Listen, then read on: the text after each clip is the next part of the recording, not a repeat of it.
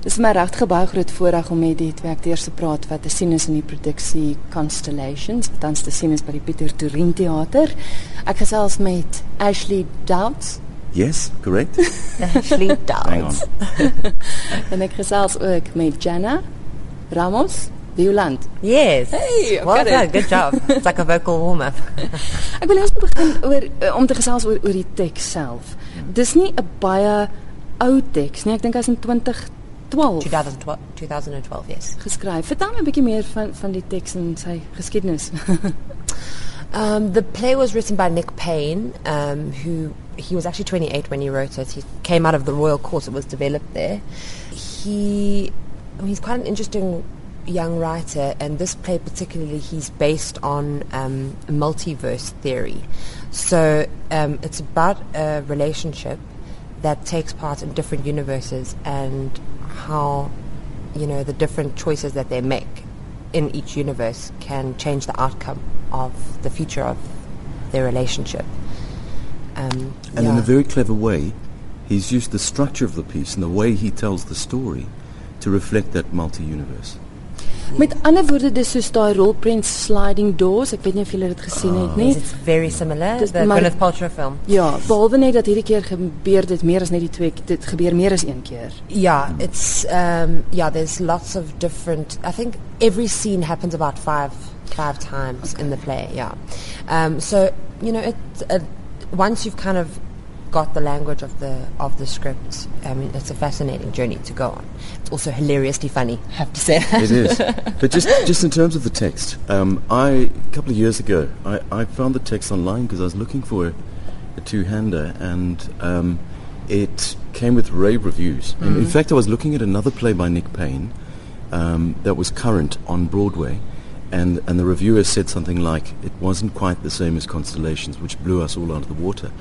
And so I went and had a look at Constellations, and then um, I just I thought I, I've got to read the script. Couldn't couldn't get it online, um, so I got it sent out from London, and it was interesting. The first time I read it, uh, it, it it was nice. I mean, I it, I felt that it was a great piece, but only until we've started working with it on stage, we sort of realized the power of the, the actual text and the way it works, the way it relies on humor, uh, and the, re- the the way it moves into to a climax and then back down into.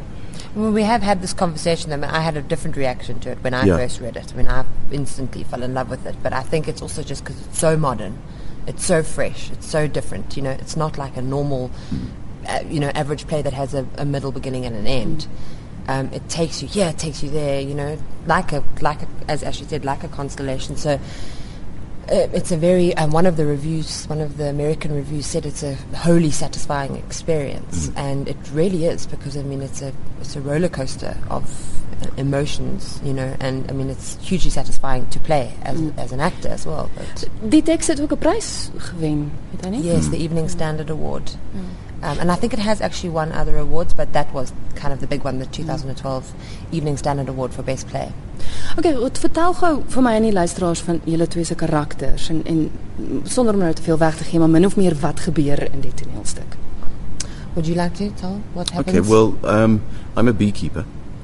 Roland is a beekeeper, i'm a theoretical physicist just because. yes um, and we throw it out there because they are quite significant. I mean, Roland um, literally, you know, keeping bees takes on the, the, the idea of um, the, the construction of a bee colony and, and how that um, shapes his thinking. You know, the, the, the importance of um, a community and the, com- the importance of, of, of having something r- really primary to work with. The fact that there's one queen. Um, and there's a l- lovely moment in the play where he expresses this. Um, and I won't give the game away, but there's, there's a moment when he, he expresses this to um, Janice's character. And then in the same way, I mean, you can talk about My character is Marianne, and she's a theoretical physicist, so she's got a great mind, but she's, you know, to talk about her as a person, she's she's passionate, she's not conventional. She thinks she sees the world and thinks about the world in a different way. Yeah. She's a, a wonderful character to play because, um, you know, she's got no, there's no kind of sop, there's no, she's just she is what she is, and I think that you know I'm hugely fascinated by relationships that are very different in personalities that are still attracted to each other, and I think that we've in this play we have that, and it's a beautiful thing to see and watch when love happens just because you know. And um, you've got a beekeeper and a theoretical physicist who fall in love with each other, even though their worlds are quite different, you know. And yeah, I mean, she's, as I said, she's there's something in each other that that they are hugely attracted to, that they fall in love with. I mean, the thing of what I love about the play, which we've spoken a lot about as well, although it's very complex and that kind of thing, it's a love story, you know, and it's it's a beautiful love story. Um, Maar soos ek verstaan, in die begin ontmoet julle mekaar by 'n braai, maar julle kom glad nie oor die weg nie. Yeah, well, what happens is, uh, okay, if, if we can we can tell you what happens in the first five minutes, but Ons wil die that's all. ons wil die mense in die teater hê, maak hulle lus om te kom. we um, we meet at a bri- at a braai um, in the first kind of section of our lives, but what happens is you see the meeting, the first meeting in five different universes. So what happens in those five different universes? Possibly he's with somebody else, he's not. He's He's, married, interested, he's not, or she's interested, she's not. You know, so the possibilities are huge. There's one line in the play that says, "Imagine rolling a dice six thousand times."